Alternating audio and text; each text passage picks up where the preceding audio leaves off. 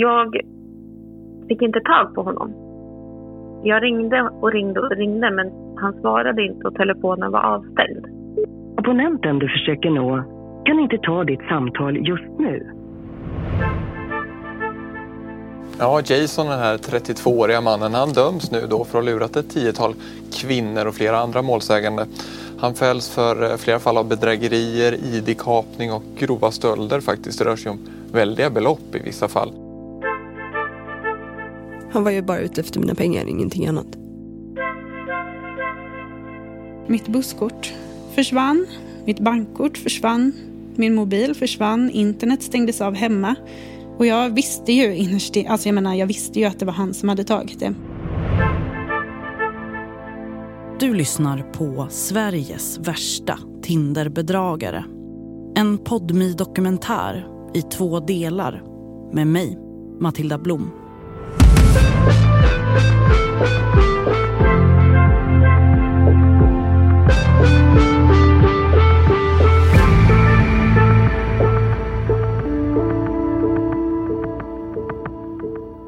Här är första delen.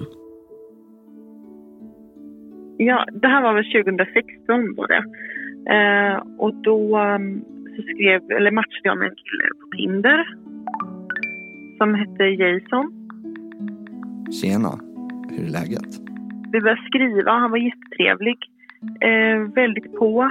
Han var lite äldre. Han måste nog skriva att han var kanske runt 30 eller något i alla fall. Det här är Josefin.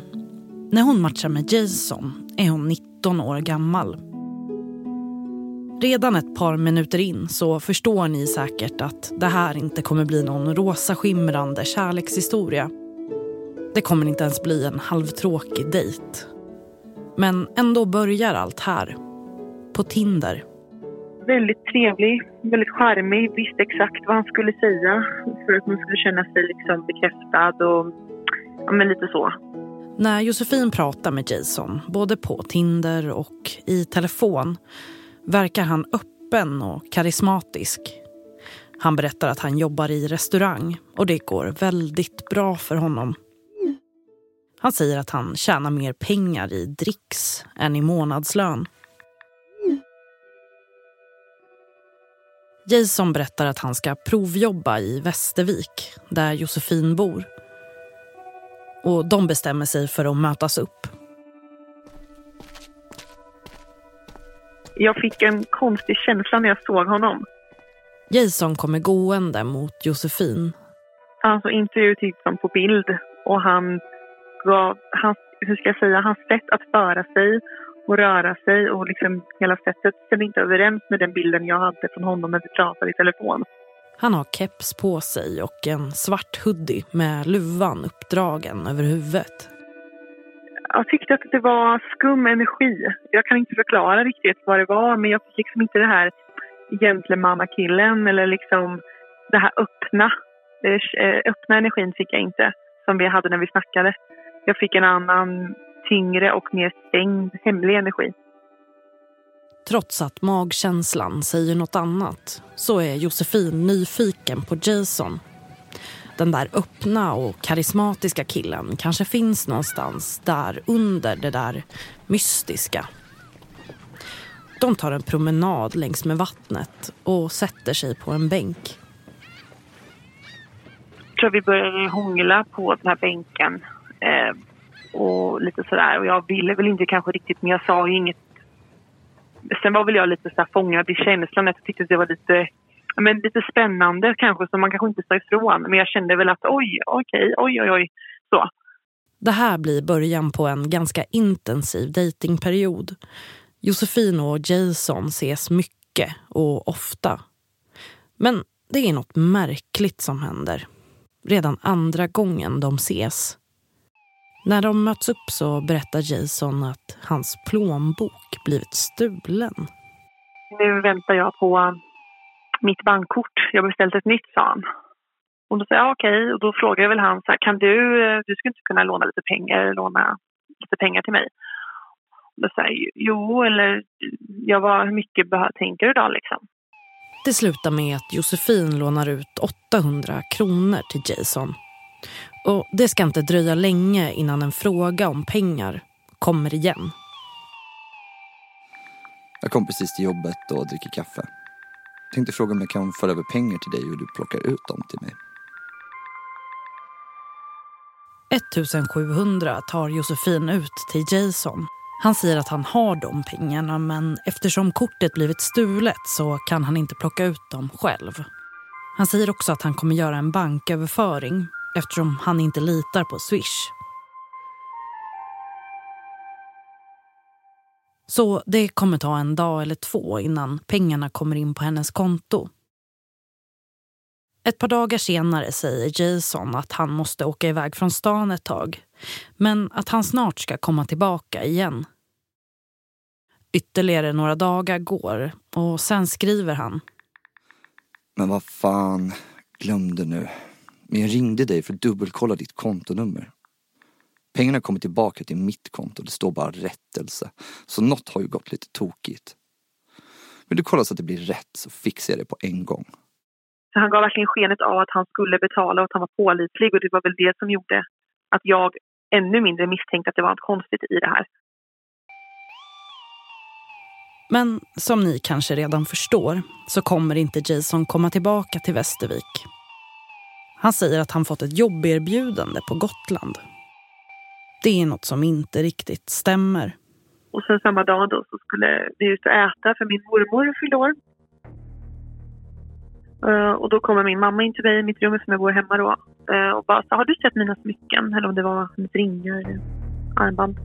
Har du sett mina ringar? Och då sa jag nej det har jag inte gjort. Ja, men mina guldringar, jag, jag hittar dem inte. Nej, jag har inte rört dina smycken. Jag ska aldrig röra dina smycken utan att fråga om lov. Nej, och så gick hon tillbaka. Och så kom hon tillbaka igen. Allt mitt guld är borta. Det är bara Jason och Josefin och hennes mamma som har varit i huset. Josefin försöker kontakta Jason. Men han är spårlöst försvunnen. Abonnenten du försöker nå kan inte ta ditt samtal just nu. Josefin och hennes mamma bestämmer sig för att googla Jason. Och det första sökresultatet är en blogg som bara har ett enda inlägg. Under inlägget finns ett kommentarsfält som de ser varit aktivt i fem års tid. Det är fullt av kommentarer, hundratals, som varnar de som läser inlägget för Tinder-bedragaren. Han har ju tyvärr alltid någon ny tjej på tråden och för de pengar han lyckats få ihop genom att leva på andra kan han säkert bo på härberg eller liknande tills han hittar någon ny stackare. Han befinner sig i Malmö nu. Han har lurat två kvinnor på pengar än så länge vad jag vet. Och de frågade om jag hade kollat upp honom och det hade jag ju inte. Så vi kollade upp hans nummer och då såg vi hans riktiga namn. Så vi googlade det och kom in på den här sidan. Kan man inte sätta stopp för honom? Så Jason har inte bara lånat ett par tusen av Josefin utan att ha en tanke på att betala tillbaka dem. Han har också stulit smycken av Josefins mamma. Det är smycken för nästan 50 000 och bland dem fanns både hennes vigselring och förlovningsring. Att man kände sig, varför gör han så mot mig för? Jag har tagit emot honom med öppna armar. Och det var väldigt sjukt att få se det här. Att jag är inte den första och definitivt kanske inte den sista heller.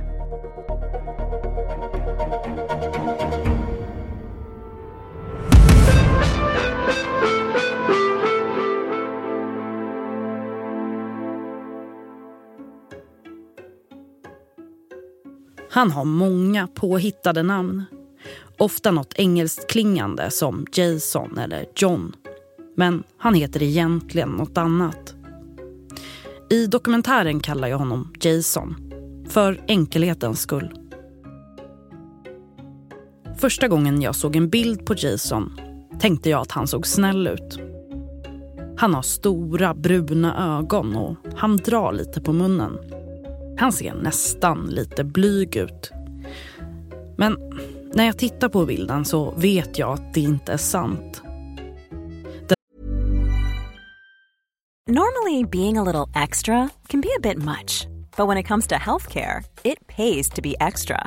And United Healthcare makes it easy with Health Protector Guard fixed indemnity insurance plans. Underwritten by Golden Rule Insurance Company, they supplement your primary plan, helping you manage out of pocket costs without the usual requirements and restrictions like deductibles and enrollment periods. So when it comes to covering your medical bills, you can feel good about being a little extra. Visit uh1.com to find the Health Protector Guard plan for you. Say hello to a new era of mental health care.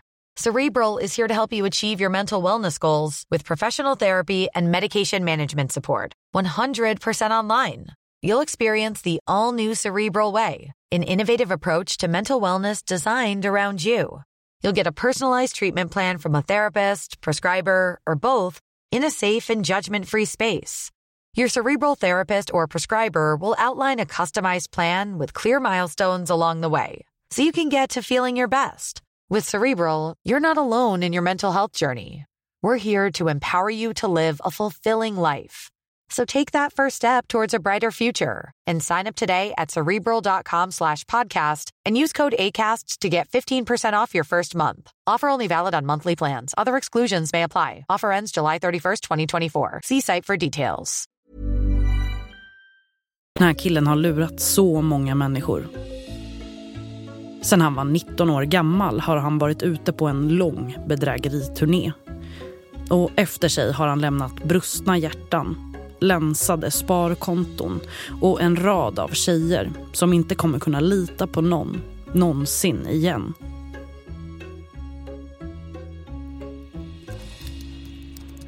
Jason är inte skriven på någon adress.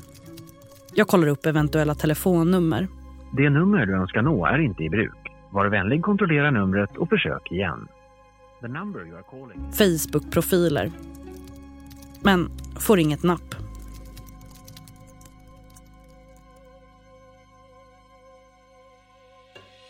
Men det måste ju finnas ställen där han fortfarande existerar.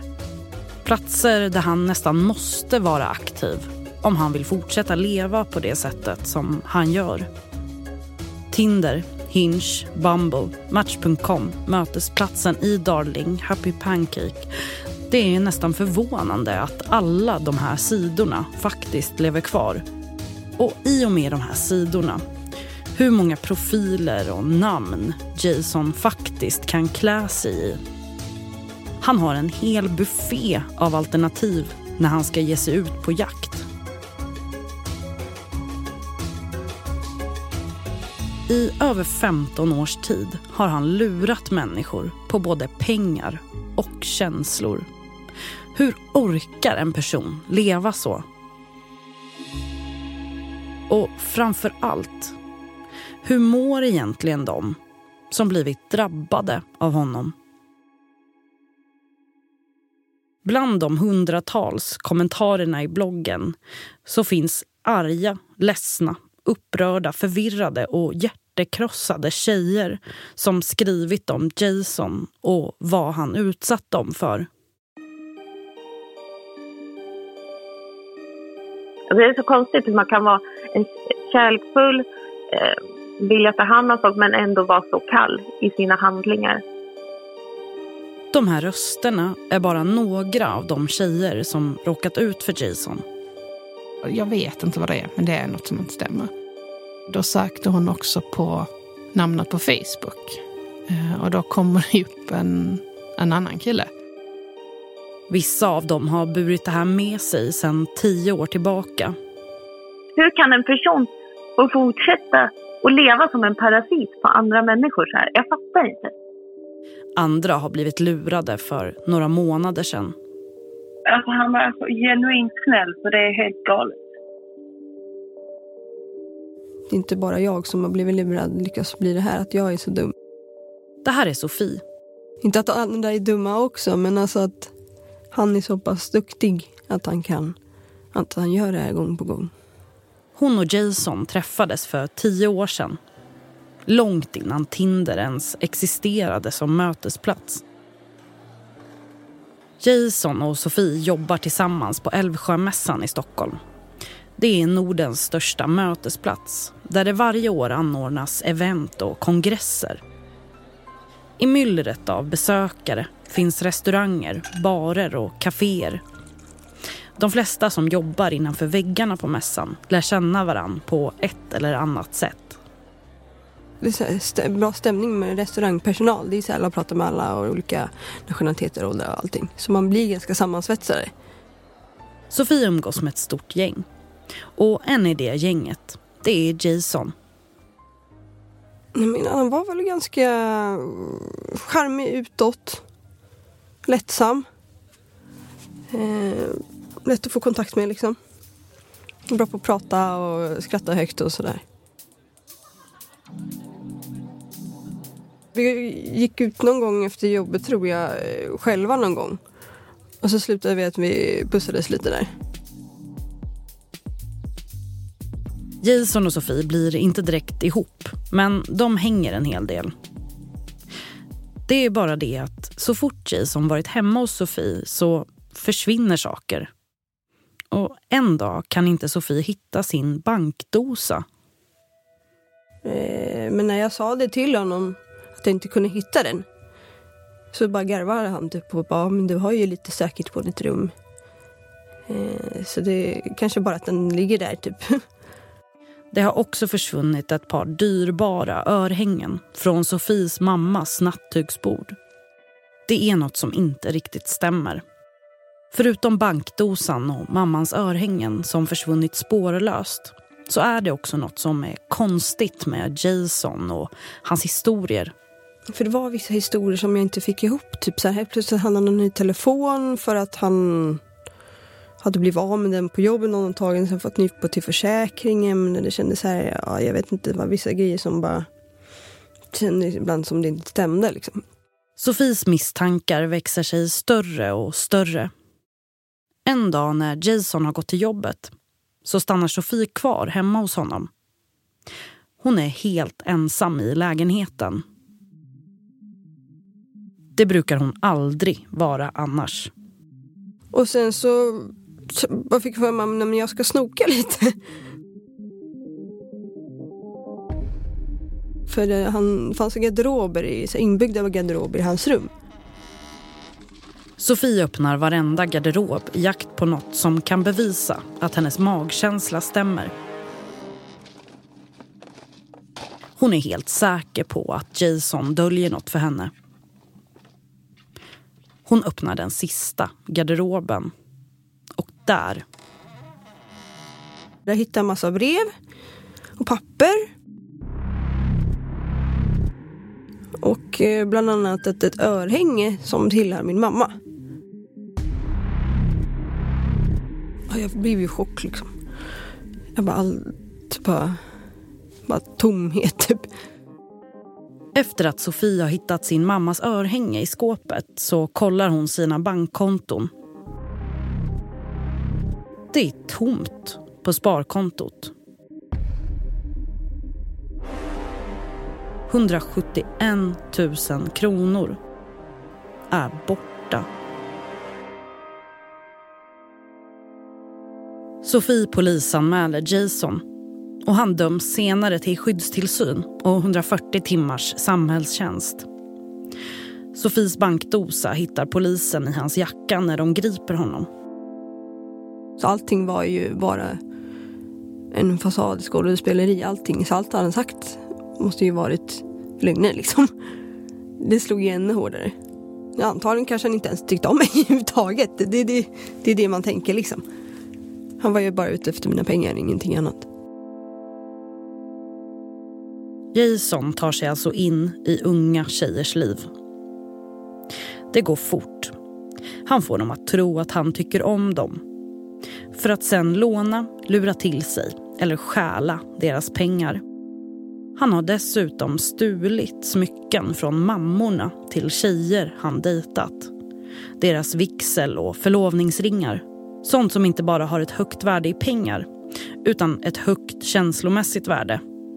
Sånt som inte går att ersätta. Han tar det han kommer åt. Alltså, om man ska vara ärlig så tycker jag inte han förtjänar att leva. vad, vad han gör med människor.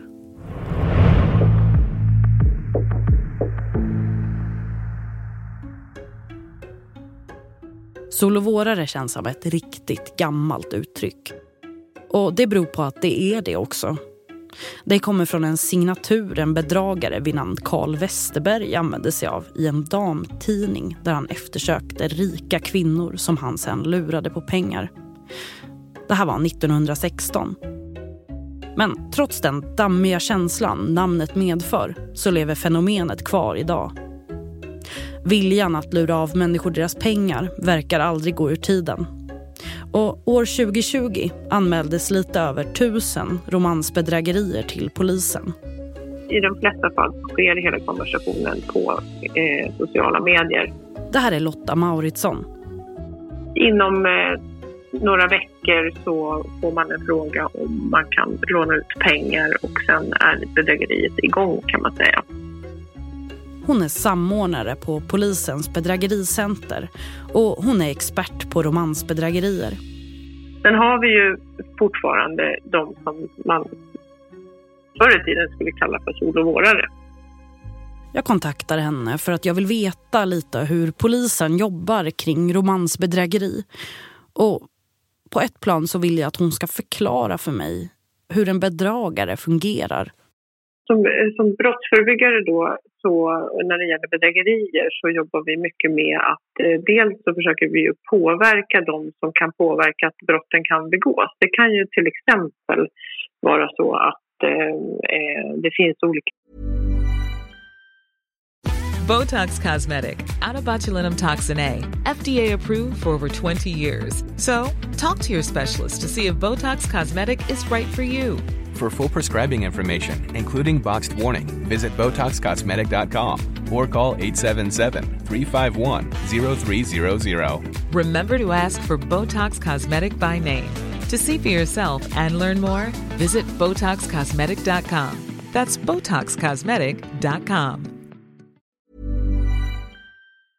System som gör att det är möjligt att begå de här bedrägerierna och då försöker vi kontakta de aktörerna och, och, och få dem att ändra på eller göra de här säkrare eller göra ytterligare kontroller eller sådär.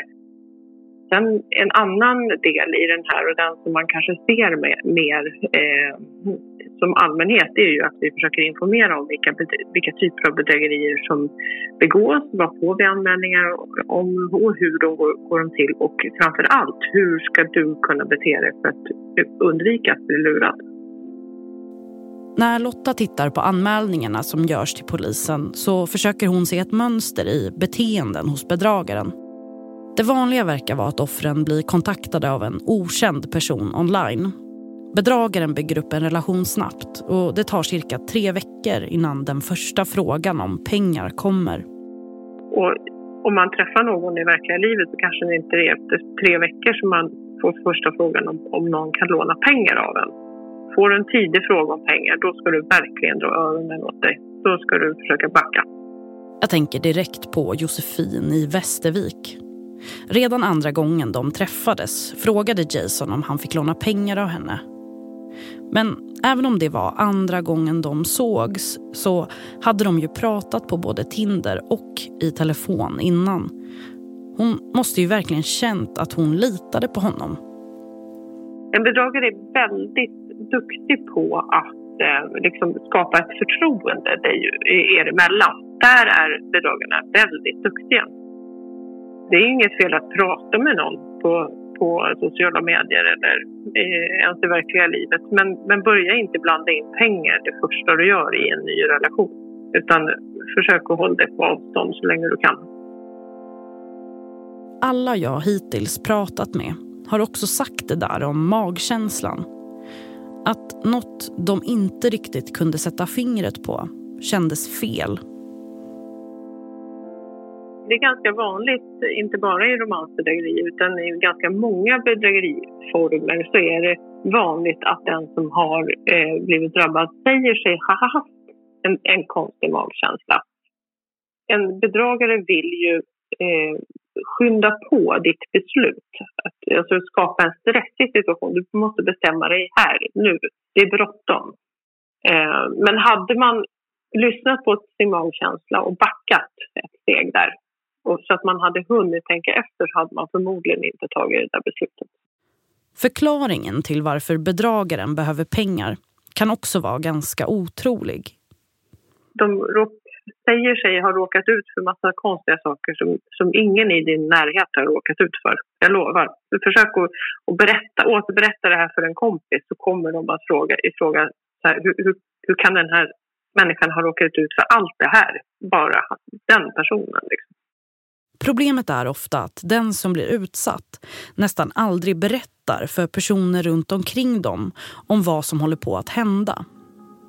Bedragaren verkar systematiskt både sätta press på men också isolera sitt offer. Eh, och då är det verkligen en varningssignal. Om någon säger åt dig att du ska eh, ta klivet bort från dina vänner, då ska du backa. Och eh, om du börjar tveka på minsta sätt så brukar de liksom hugga tillbaka och säga men vadå litar du inte på mig? Alltså lite så. Eh, det är, så, det är den teknik man använder. Av de dryga tusen anmälningar som gjordes 2020 så är det bara 7 procent där bedragaren har träffat sitt offer. På det sättet så är ju Jason ganska unik. Han är en av de där som Lotta sa att man förr i tiden skulle kalla för solovårare. De är inte så jättemånga, eh, men de finns.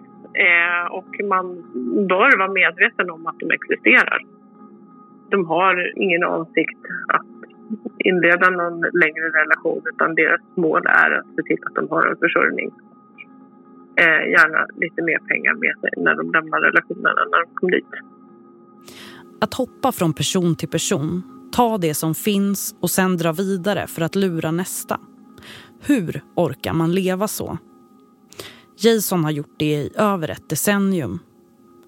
Senast han blev dömd för bedrägeri var i december 2021. Och innan det förekommer han under 12 avsnitt i belastningsregistret.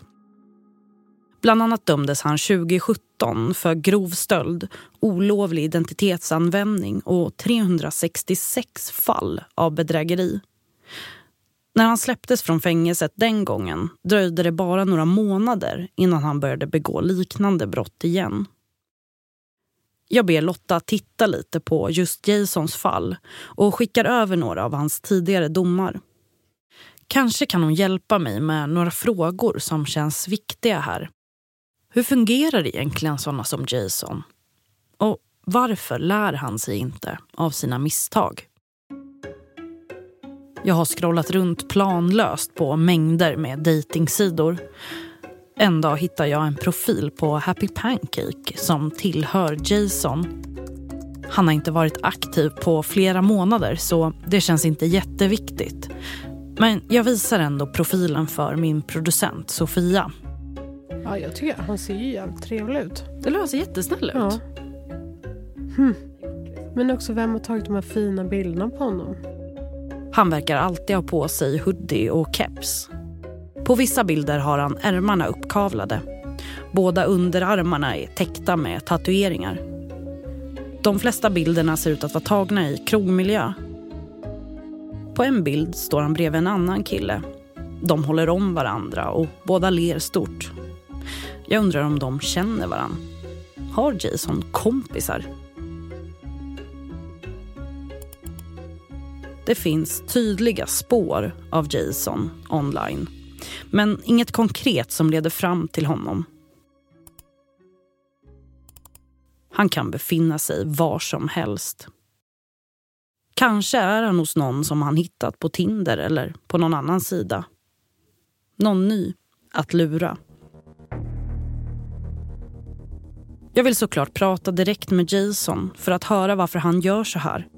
Varför han fortsätter år efter år, tjej efter tjej.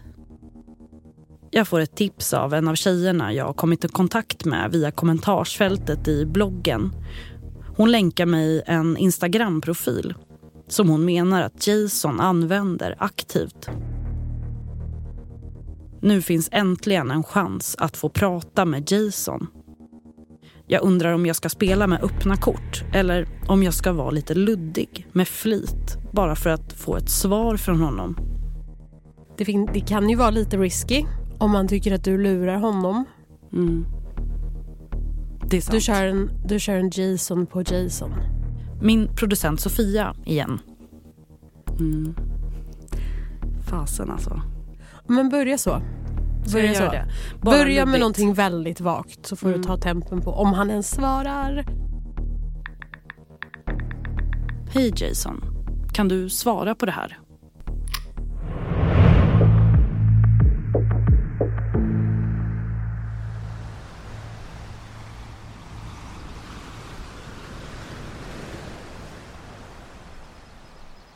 Det var ju smart drag av honom att välja mig eftersom jag är oftast spindelnätet i stan. De jag hittills pratat med har fallit för Jasons bedrägerier för flera år sedan. Jag vill veta vad han gör idag, var han är. Och det är inte som att han har försvunnit från radarn direkt. Jag får kontakt med Alex som lärde känna Jason i Helsingborg sommaren 2021. Det här är ju väldigt mycket turister och sommarrestauranger och en jäkla bra uteliv liksom på sommaren. Alex jobbar i restaurangbranschen och har ett stort kontaktnät som sprider sig genom stans barer, kaféer och restauranger. En kväll sitter hon i baren på sin bästa kompis pub. Bredvid henne sitter en man med stora, snälla ögon. Alex tycker att han ser lite speciell ut. En sliskig skulle jag säga. Uppborrat skägg, eh, lite fettigt hår. Jag ska inte säga hip, eller inte, inte sådana hipster eller sånt men någon blandning mellan någon hipster och någon rockare kändes det lite så. Det är Jason. Han berättar att han precis fått jobb här i baren. Ja, alltså det var kul för jag är liksom en av de stammisarna som alltid är här. Jag sitter alltid i baren, jag käkar alltid samma sak och jag dricker alltid samma sak och jag har liksom min plats i baren. Han ju så extremt vältalig och kunde verkligen föra sig och lätt till skratt, jättelätt till skratt och vi skrattade hela tiden. Vi satt hela kvällen. Alex tipsar Jason om lite olika Facebook-sidor där man kan leta efter lägenhet. Om han nu vill göra sig hemmastad här i Helsingborg. Så ja, men då hade inte han Facebook och inte Instagram. Han hade ingenting. Nej, tyckte, och sånt tycker jag är lite konstigt. Alex är van att söka upp människor på nätet. Hon är den hennes vänner ringer till när de har varit på en dejt men inte kan hitta dejten på några sociala medier. Ja, psycho-Alex då kan vi kalla mig då ibland när jag går in i mitt sånt här mood där jag ska kolla upp någon för mina vänner. Vad det är för någon människa. Och det var jag öppen och ärlig med och sa till han att ja, men jag kan hitta de flesta. Jag skulle kunna jobba på FBI för jag, jag kan ju säga allt liksom. Men Alex kollar aldrig upp Jason och efter den här kvällen hänger de nästan varje dag. När han, när han inte var ledig så var jag på hans jobb och han var också på sitt jobb när han inte var ledig. Liksom. Och jag försökte hitta bostad till honom. Jag skrev på de här Facebook-sidorna och liksom engagerade mig att han skulle hitta hem i Helsingborg. Liksom.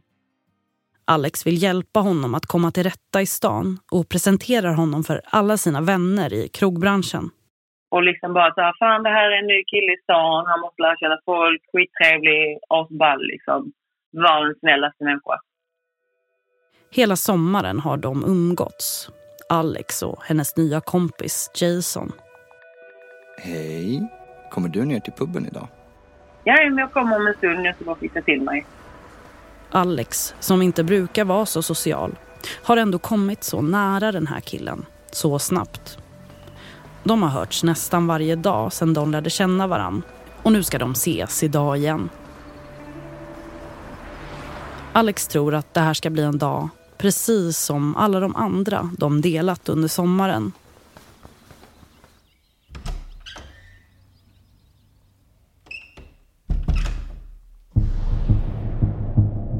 När Alex svänger upp dörren till puben så ser hon att det är tomt bakom baren var är Jason?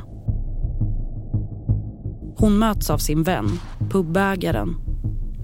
Och hon berättar något för Alex som känns helt overkligt. Jason är inte den han säger att han är. Han har tagit jobbet på puben under någon annans namn och använt någon annans personnummer. Polisen har precis varit där och hämtat in honom på förhör. Jag blev ju helt hysteriskt chockad och grät och visste inte vad jag skulle bli av. Eh, och var helt grundlurad liksom. Alltså hur fan kunde det undgå mig? Att jag inte kunde... Alltså jag, jag har inte googlat han. Jag har inte kollat upp han en enda gång. Och det är så konstigt. När Jason släpps efter förhöret vill Alex ha en förklaring. Även om de bara känt varann i några veckor så vill hon veta vem killen hon trott sig känna egentligen är. Alex vill inte släppa in honom i lägenheten så de möts utanför. Men då, vi satt där ute kanske en timme och pratade liksom om... Han berättade om hela sitt liv och att han hade liksom kommit till stan för att han ville ha en nystart den människan som jag hade fått lära känna, sa han, var den människan som han faktiskt ville vara. Jason berättar för Alex att han fått en psykolog via polisen och verkar uppriktigt vilja ha hjälp. När han ska gå så har Alex bestämt sig. Så kramade jag han och så sa jag att jag vill gärna ha dig kvar i mitt liv. Men vi eh, får göra detta hemligt för att ingen annan i stan kommer att acceptera det. Men jag vill ändå tro att du ska liksom... Att du är den människan som du har visat för mig. Efter det försvinner Jason från Helsingborg. Alex vet inte var han tar vägen. Men hon har svårt att släppa honom. Trots vad hennes vänner säger. Alltså, du får inte ha kontakt med honom. Nej, men jag ska inte det. Och så har jag kanske sagt till henne, nej men jag har inte det. Och sen tar det någon dag och bara, fan. För, för att du vet, du vet när man blir sådär... Äh, han blir ju som någon slags drog liksom, för mig.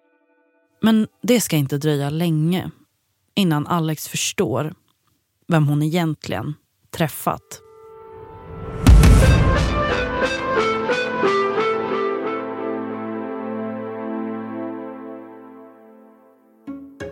Som journalist tänker man alltid att alla parter ska komma till tals för att man ska kunna måla upp en balanserad bild av verkligheten. Därför har jag skrivit ett meddelande till Jason på Instagram. Men om Jason är en notorisk lögnare kommer han kunna ge något svar som ens är användbart? Hur som helst ligger mitt meddelande fortfarande oläst i hans DM. Och i väntan på ett svar som kanske inte kommer ringer jag Lotta Mauritsson från polisen igen. Hon som är expert på romansbedrägerier. Hon har tittat igenom några domar mot Jason. Lotta Mauritsson. Och nu kanske hon kan ge ett svar eller i alla fall någon slags förklaring på varför Jason inte slutar att bedra människor. Men det, det har ju varit ett antal domar mot den här personen genom åren och det är ganska typiskt för eh, de här bedragarna. Lotta Mauritsson berättar att personer som Jason ofta inte har så mycket andra referenser för hur de ska kunna skaffa sig inkomst på annat sätt. Eh, det här är ju ett sätt för dem att leva. Men Jason som blir dömd gång på gång, lär han sig inte av det? Kommer han aldrig att sluta. De är, alltså det, de är bedragare i, i den meningen att de kommer inte sluta av sig självt. Och de kommer tyvärr inte sluta heller bara för att de blir satta i fängelse i några månader. Utan det kommer krävas någonting helt annat. Eh, de är vad vi skulle kunna säga notoriska bedragare. Lotta kan inte uttala sig specifikt om Jason. Men hon har en förklaring till varför personer som han kan fortsätta lura människa efter människa. Många av de här har ju, eh, och det visar ju flera studier kring bedragare, att de har ju liksom psykopatiska drag. Så de har ju lite, de har ju kanske inte känner någon empati med sitt brottsoffer till exempel. Eh, och känner inte inte, kan inte ta till sig riktigt att de gör fel heller. Så kanske har jag fått svar på en av mina frågor. Jason kan väl inte ha levt på att bedra andra människor i över ett decennium om han skulle må jättedåligt av det. Då skulle han ju slutat för länge sen. Och jag upptäcker att ju mer jag försöker förstå, desto fler blir frågorna.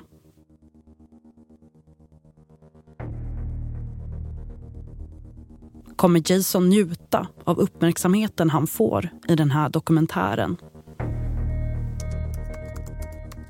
Han är ju själv inne och kollar på den här bloggen, vad folk kommenterar och skriver.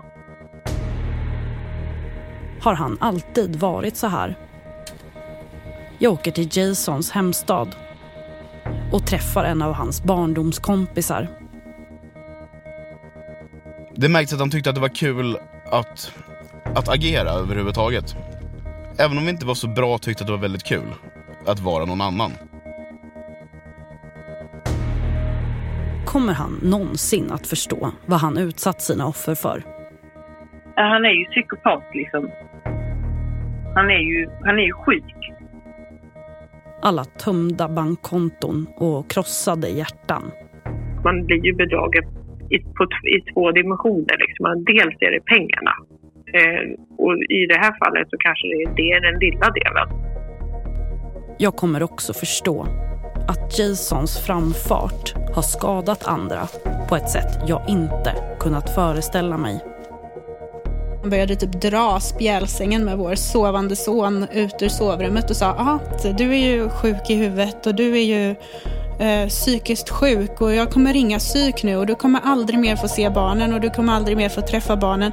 Och jag tänkte, jag frågasatte mig själv, jag tänkte är det jag som håller på att bli schizofren? Och så får jag äntligen kontakt med Jason. Hej. Ledsen för sent svar. Vad är det du vill för något?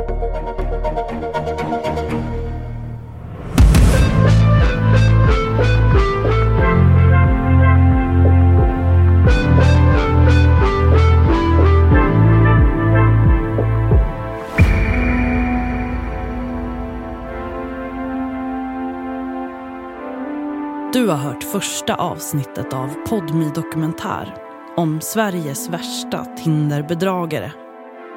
Jag som gjort dokumentären heter Matilda Blom. Exekutiv producent var Sofia Neves. Slutmix är gjord av Erik Magnusson.